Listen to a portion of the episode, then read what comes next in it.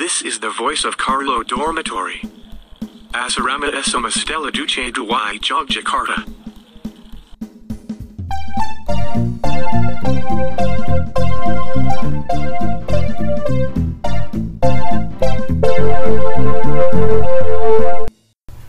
Salam jumpa kembali bersama saya Pak Beni dalam Voice of Carlo Asrama Putra SMA Stella 72 Yogyakarta.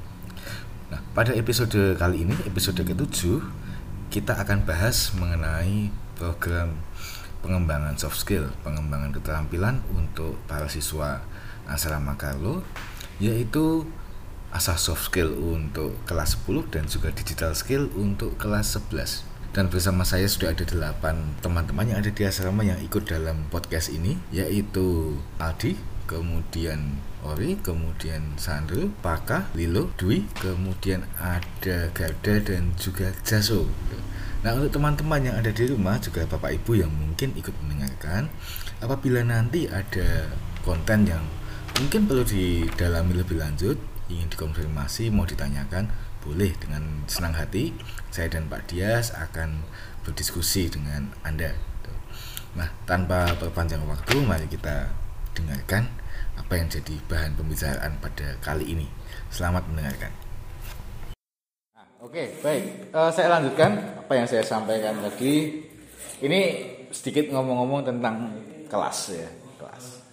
Tahun ini kan uh, yang masuk asrama ada juga kelas bahasa. Apa? Jaso ya? Oh, siapa ya? Saya lupa. Ada, ada yang masuk nanti kelas bahasa. Jadi, ya terpaksa ya. Eh, amin ya.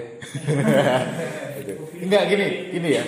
Eh, ini menarik situasi kita ya bahwa ada anak-anak yang teman-teman kalian yang masuk di kelas bahasa itu ya ada yang memang sungguh suka ya karena kepingin pingin belajar bahasa ada ada yang begitu tapi mau IPA IPS dan bahasa sebenarnya nggak ada hubungannya dengan kesuksesan sih nggak ada hubungannya dengan masa depan oke saya buktikan ya eh, apa sih pekerjaan yang paling top bagi anak IPA dokter ya? Misalnya dokter misal. Oke. Dokter itu dia punya bos manajer. Manajernya orang akuntansi atau orang manajemen. Yang notabene dia belajar IPS jadi bosnya anak-anak IPA itu sebenarnya anak-anak IPS gitu. Mau bisnis apa pun lah. Mau pekerjaan bisnis apa pun itu butuh namanya manajemen yang belajar manajemen itu anak-anak IPS gitu atau misalnya pekerjaan jadi engineer. Engineering ya. Teknik mesin misalnya. Yang atau teknik perminyakan. Bosnya juga belajar manajemen orang IPS juga. Gitu. Jadi ya nggak ada hubungannya juga. Apakah yang bahasa kemudian jadi anak apa ya anak tiri? Enggak juga yang yang yang dokter dari jurusan bahasa juga ada. Itu mau kelas apa pun bisa sih itu, khusus ya. Tapi artinya bahwa bahwa anak-anak bahasa pun juga bisa jadi diplomat gitu ya. Bisa jadi tentara juga bisa. Itu karena kalau jadi tentara kan bisa juga lewat jalur S1 saya kuliah itu ya. Apa pun kuliahnya bisa masuk juga. Kemudian anak IPS mau jadi dokter bisa banget asal asal bisa tes masuk aja. Kan gitu. Nggak masalah gitu ya anak IPA mau belajar PS ya nggak masalah asal mampu aja. Karena bukan berarti IPS lebih gampang loh ya. Gitu. Jadi masing-masing kan akhirnya punya punya tingkat kesulitan beda-beda. Punya cara berpikir yang beda-beda. So apa pun ilmunya sebetulnya masing-masing juga punya kelebihan dan kekurangan. Punya tempat masing-masing itu nah berkaitan juga dengan dengan kelas dan belajar itu saya waktu hari Sabtu juga bilang sih bahwa kita nanti di selama akan belajar hal yang lain. TI, TIK dan itu bisa dipelajari oleh siapa pun ya. mau yang SMP juga bisa mau yang SMA apalagi kuliah juga bisa.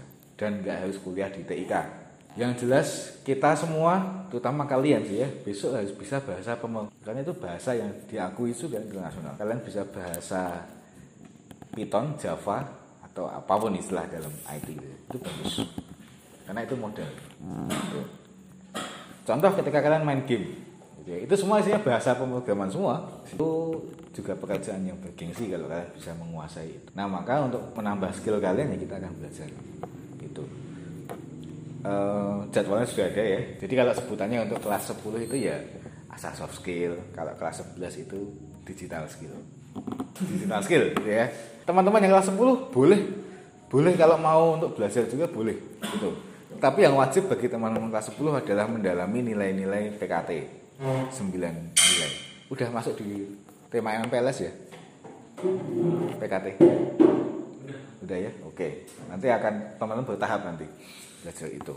Ada 9 nilai kita pelajari selama satu tahun ini 11 kali. Satu, satu bulan satu nilai. Nah, yang teman-teman kelas 11 ya tetap tetap mendalami itu, bukan berarti kemudian lepas dari soal compassion, competence dan celebration dan seterusnya. Tetap tetap dihidupi, tapi dikaitkan juga dengan IT. Contoh begini. Compassion, compassion itu apa ya? Ada yang ingat compassion apa? Passion itu adalah bela rasa atau empati dalam bahasa simpelnya empati. Empati kan soal hati ini. Apakah bisa dibawa dalam dunia IT? Bisa banget, betul. Bisa banget. Contoh gini, seseorang bikin desain untuk aplikasi karena Gojek itu ya, aplikasi untuk ojek online. Itu juga dasarnya empati. Satu, kasihan kepada orang-orang yang ingin naik ojek tapi tidak difasilitasi dengan cepat. Lalu dia menciptakan, mendesain eh, tampilan-tampilan aplikasi supaya nyaman bagi orang. Itu juga dasarnya empati, compassion. Kreativitas jelas banget itu ya. Namanya kita kita bermain IT itu isinya kreatif semua, gitu ya. Semua adu kreatif di situ. Kemudian eh, apalagi celebration. Celebration itu apa? Bersyukur sebenarnya. Celebration itu artinya bersyukur, merayakan karena bersyukur. Bersyukur itu kan nilai nilai religiusitas, nilai soal keimanan. Gitu. Nah, apakah iman dan agama itu bisa dibawa ke IT? Bisa banget ya. Namanya orang kalau sudah bisa membuat produk IT, produk digital dan bisa membantu orang lain, bangganya minta ampun.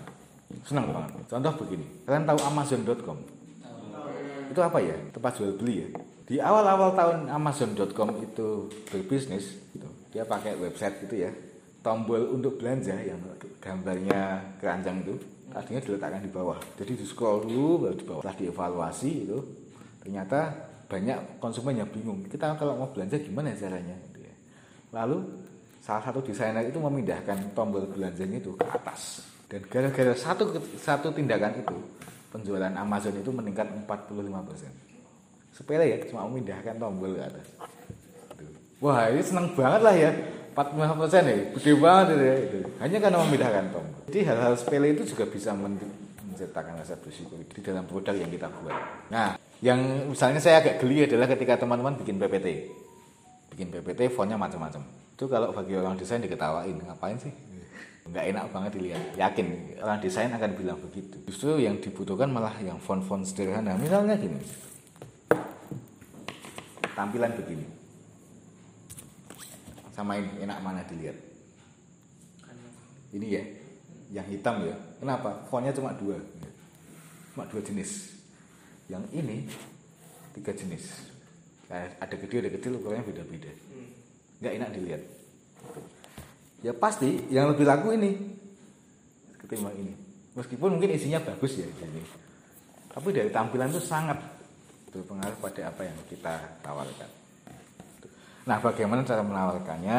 Teman-teman nanti akan dikasih model yaitu satu page Google Site masing-masing anak. Kelas 10 dan 11 ada Google Site-nya yang itu jadi satu dengan asrama. Tapi dari situ teman-teman bisa buat sendiri nanti di lewat akun Google masing-masing. Nah, nanti akan dicek, akan dinilai lah mana yang menarik itu ya. Tanda yang menarik apa? Kalau ada orang yang menghubungi kalian atau mengapresiasi kalian atau mungkin beli sesuatu yang kalian tawarkan. Itu tanpa modal sih. Tapi yang penting adalah ide kreatif. Ide kreatif itu sangat penting. Nah, kaitan dengan ide kreatif teman-teman. Eh, saya dan Pak Dias itu kan mengamati selama setahun. Oke, teman-teman di asrama taat gitu ya, manut, patuh. Tapi salah satu kelemahan orang yang patuh adalah kurang kreatif. Susah buat kreatif gitu. Maka yang digenjot tahun ini ya kreativitas. Taat itu penting ya, itu dasar modal banget. Tapi kalau hanya sebatas itu, ya kalian kalau nanti hidup sukses ya cuma jadi di bawahan karena patuh, tapi nggak punya ide. Orang sukses itu ya karena dia punya ide, ide kreatif. Contoh gini, kalian pernah dengar tukang pembersihan sepatu jasa bersih sepatu cuci sepatu itu ya Nah, dari kelinti ya. Zaman dulu, nah namanya membersihkan sepatu itu pekerjaan yang rendah. Tapi sekarang jadi jasa dan itu menguntungkan. Kan gila. Sekarang jadi kemudian sukses karena membersihkan sepatu orang lain. Kan berarti dia punya kreativitas dan berani untuk mewujudkan. Nah itu yang dibutuhkan oleh teman-teman. Ya sekali lagi, karena kalau eh, hanya PJJ doang, kalau kalian tidak mengisi dengan sesuatu yang menguntungkan, itu ya kasihan. Memang sengaja karena saya tidak mau kalian hanya tenggelam dalam main game. Saya juga pemain game teman-teman. Seneng banget itu ya. Lagi seneng-senengnya itu. Cuma saya tahu bahwa kalau kita tenggelam dalam main game doang itu waktu kita habis. Waktu kita habis. Karena kita nggak dapat apa-apa gitu. Habis pulsa iya, bayar, kehilangan duit 100 ribu buat pulsa pakai data iya. Tapi kita nggak nggak dapat uang atau uang pun enggak gitu. Seneng ya nggak senangnya setahun setahun juga sih. Paling satu jam dua jam senangnya gitu ya. Capek iya gitu ya. Puas ya hanya sedikit gitu. Ketagihan iya gitu ya. Kecanduan iya gitu ya. nah saya nggak pingin kita tenggelam dalam situasi begitu. Maka kita atur dengan ketat dari kita itu Senin sampai Jumat itu ya waktunya kita belajar. Produktif sih. Hari produktif itu Sabtu sampai dengan Minggu siang itu ya. Oke lah itu waktu santai. Ada waktunya ada waktu-waktu tertentu yang kita akan gunakan itu untuk santai untuk pleasure untuk kesenangan tapi ada waktu yang panjang kita gunakan untuk produktif. Kalau nggak gitu kita jadi zombie. Pernah lihat zombie di warnet? Ada jadi ada foto gini. Ada pemilik warnet itu ya. Game gamenet nih pemilik gamenet itu dari dalam dia potret uh, pintu depan itu ya.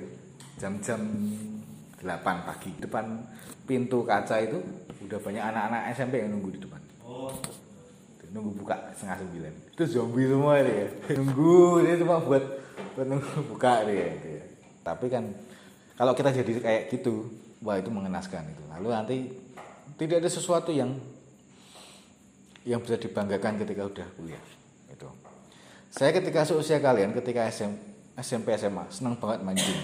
Ke game center senang banget. Gitu oh hype banget. Pokoknya kalau bisa nyepeda gitu ya pagi-pagi cari happy hour gitu ya sama teman-teman terutama. Wah senang banget itu ya. Senang tapi kalau dibawa ke sekarang nggak bisa itu ya. Nggak cocok gitu ya.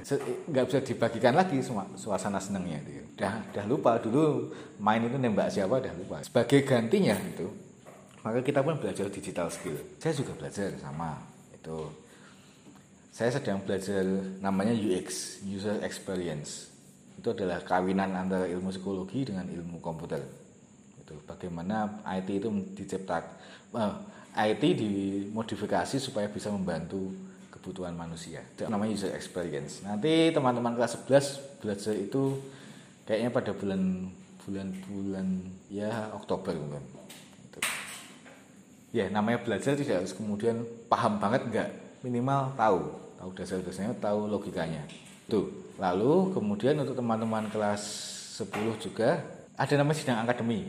Sidang akademi itu adalah kesempatan kalian untuk mendalami nanti public speaking. Nah, apa bedanya dengan presentasi di kelas itu? Kalau kalian presentasi di kelas itu jarang yang memberikan feedback atau masukan. Salahnya di mana, kurangnya apa gitu ya. Ya paling tepuk tangan ada pertanyaan enggak, enggak, udah turun, selesai gitu ya. Tapi kalau di sini nanti kita betul-betul latihan. Gimana sih ngomong dengan pas gitu apa sih tandanya bahwa yang kita omongkan itu bermutu atau enggak? Itu ada. Nanti ada teman-teman yang akan mengkritisi. Dan bagaimana membuat PPT yang baik. Jangan sampai kemudian kita presentasi hanya membaca PPT kalau cuma gitu doang nggak usah presentasi kasih aja PPT ini. Jadi baca masing-masing. Selesai. Tapi kan tujuan kita bukan itu ngomong kita kan mau menjelaskan ide gitu. Jadi modelnya presentasi nah apa bedanya dengan sidang akademi tahun lalu ya gini. Kalau yang tahun lalu kan teman-teman kelas 11 latihan oh ya, agak kaku ya. Pakai kata saudara. Mohon maaf gitu ya. Itu bagus bagus untuk ketika kalian ikut misalnya seminar dengan bapak-bapak ibu-ibu dengan kumpulan yang begitu itu bagus. Tapi untuk zaman kalian kayaknya itu sudah tidak perlu. Jadi ganti langsung dengan sopan saja. Misalnya bertanya ya gitu. Mohon maaf saya mau bertanya itu maksudnya gimana ya? Tadi katanya Mas Mas Dwi itu ide yang ini nggak bagus, lalu yang bagus gimana Mas? Kayak gitu. Jadi interaktif. Karena itu yang dipakai di zaman kalian. Jadi tahu yang sopan oke, tapi tahu juga yang teknis, yang praktis loh untuk dipakai. Lalu jam menulis ada. Jam menulis nanti pada Jumat keempat. Sama-sama menulis, yang kelas 11 itu memperbaiki Google Site-nya, yang kelas 10 itu membuat artikel. Nah, kenapa kok tiap Jumat keempat teman-teman harus memperbaiki Google Site itu?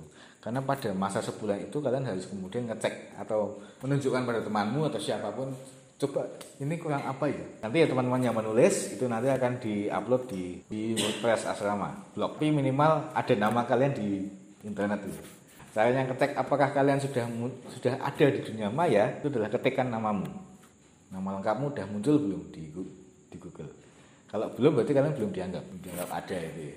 Tapi sudah ada minimal ada artikel apa, nah berarti sudah muncul nih. Itu adalah cara untuk kemudian menunjukkan eksistensi kita. Nah selain hari Jumat, nanti kalau ada tanggal merah ataupun pas sekolah itu kosong tidak ada PJJ itu ya. Nanti kita juga buat kegiatan untuk soft skill. Namanya kursus online. Kursus online itu begini. Kalian akan akan belajar tema-tema tertentu, tapi bukan dari saya, tapi dari ahli-ahlinya yang ada di internet. Bisa di YouTube, bisa di LinkedIn, bisa di Skill Academy punyanya ruang guru atau di aplikasi mana pun. Itu. Tapi temanya sama. Contoh, oke hari ini kita akan belajar tentang desain grafis. Nah masing-masing nanti buka cek, mungkin ada bacaan, ada ada video yang bisa menjelaskan apa sih desain yang bagus itu gimana. Lalu kita diskusikan. Lalu kita kita menyatukan gagasan. Itu kalian. Sekarang sekarang tuh kalau kita mau belajar itu semua ada ya? Nggak harus semua dari dari sekolah apa pun ada. Ya kita pakai nanti. Oke kita akan capek di depan laptop. Ya tapi ada sesuatu yang kita dapatkan lah ada insight apa? Ada gagasan apa? Kalau belum punya pertanyaan itu nyambung juga dengan nah pertanyaan. Baik ada titipan pertanyaan dari orang tua siswa. Apakah untuk kursus online itu nanti perlu ada biaya tambahan atau tidak? Ada ada bayaran atau enggak itu ya? Nah teman-teman untuk kursus online itu sifatnya gratisan. Kita akan mencari platform atau media-media yang gratisan. Di YouTube banyak lalu beberapa aplikasi juga menyediakan tutorial atau training yang gratisan. Kalian bisa akses di situ. Yang penting adalah bisa belajar. Kita semua bisa belajar dengan mudah kalau misalnya belum puas dengan belajar online itu ya kita bisa mungkin video call atau ngezoom dengan ahli-ahlinya. Misal kalau mau datangkan desain ahli desain grafis ya nanti saya carikan teman yang bisa menjelaskan pada kalian begitu nah setelah khusus online selama beberapa waktu nanti kan ada tesnya gitu. saya dan Pak Dias akan ngetes kalian yang kelas 11 untuk masing-masing tema Tuh, tesnya dilaksanakan pada akhir semester yaitu pada bulan Desember. Nah, pada tes itu yang dilakukan teman-teman adalah mempresentasikan atau menjelaskan pada kami sejauh mana teman-teman paham dengan masing-masing tema. Misal temanya adalah desain grafis ya, maka tolong jelaskan pada kami desain grafis itu apa, yang baik itu bagaimana, lalu ada tips-tips apa gitu ya. Nah, ujiannya itu nanti secara lisan. Presentasi ya, lisan. Bagi yang di luar asrama ya nanti bisa pakai Zoom gitu. Kalau kalian belum bisa menjelaskan dengan baik, maka akan kami minta untuk belajar lagi sampai paham, sampai bisa menjelaskan. Jadi jadi bukan kemudian hanya sekedar mendengarkan tapi tahu. Ya mungkin kalian belum menguasai banget untuk teknisnya, tapi tahu konsepnya itu udah cukup kok.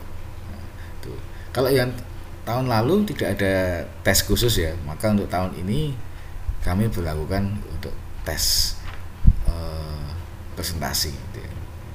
gitu. Nah untuk teman-teman kelas 10 tidak ada tes khusus ya saat sedang akademi itulah kemudian teman-teman akan diuji oleh temanmu sendiri ya kalian tampil di depan temanmu lalu temanmu sendiri yang akan kemudian ngecek kualitas kalian. Gitu. Oke sementara begitu untuk penjelasan mengenai asah soft skill dan juga digital skill kalau ada pertanyaan terkait dengan tema-tema ini, baik orang tua maupun teman-teman yang mendengarkan, silakan kontak saja dengan saya atau Pak Dias. Nanti dengan senang hati kita akan diskusikan mengenai itu.